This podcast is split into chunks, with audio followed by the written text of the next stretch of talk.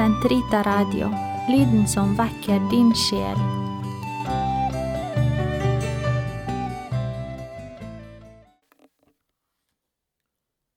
Den katolske kirkes katekisme, uke tre, fredag, paragraf 1720 til 1729. Kristnes salighet. Det nye testamentet benytter seg av flere uttrykk når det skal beskrive den salighet Gud kaller mennesket til. Gudsrikets komme, å se Gud. Salig er de rene av hjerte, for de skal se Gud, og gå inn til gleden hos Herren, og gå inn til Guds hvile. Der skal vi hvile og se. Vi skal se og vi skal elske.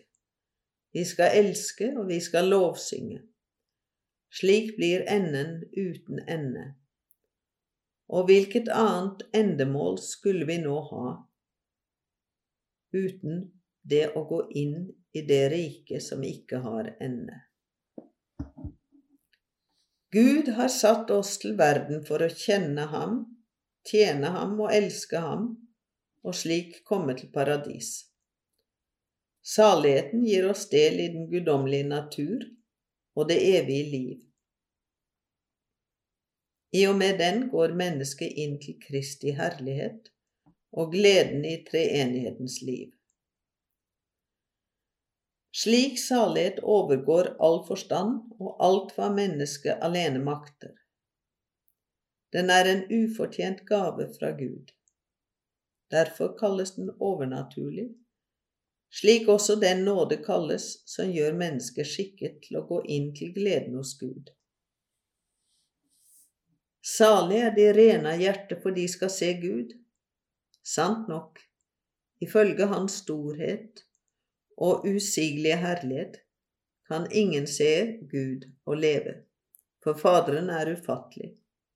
Men ifølge Hans kjærlighet og godhet mot menneskene, og etter Hans allmakt, går han så langt at han gir dem som elsker ham, rett til å se Gud, for det som er umulig for mennesker, er mulig for Gud.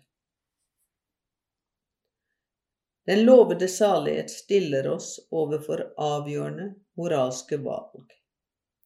Den maner oss til å rense våre hjerter for ondt begjær, og til å søke Guds kjærlighet fremfor alle ting. Den lærer oss at den sanne lykke ikke består i rikdom eller velvære, verken i menneskelig ære eller makt, ikke noe menneskeverk, det være seg aldri så nyttig, slik som vitenskap, teknikk og kunst, og heller ikke i noen menneskelig skapning, bare i Gud alene, Han som er kilde til alt som er godt, og til all kjærlighet. Rikdom er dagens store guddom. Mengden, menneskemassen, ærer den instinktivt. Den måler lykke etter formue, og etter formue måler den også anseelse. Alt dette kommer av overbevisningen om at med rikdom kan man gjøre alt. Rikdom er altså en av dagens avguder, og berømmelse en annen berømmelse, det å være kjent og bli omtalt i verden, det man kunne kalle medieberømmelse, er kommet til å bli sett på som et gode i seg selv, et ypperste gode, gjenstand den også for formelig tilbedelse. Dekalogen, bergprekenen og apostlenes undervisning staker opp for oss den vei som fører til himlenes rike.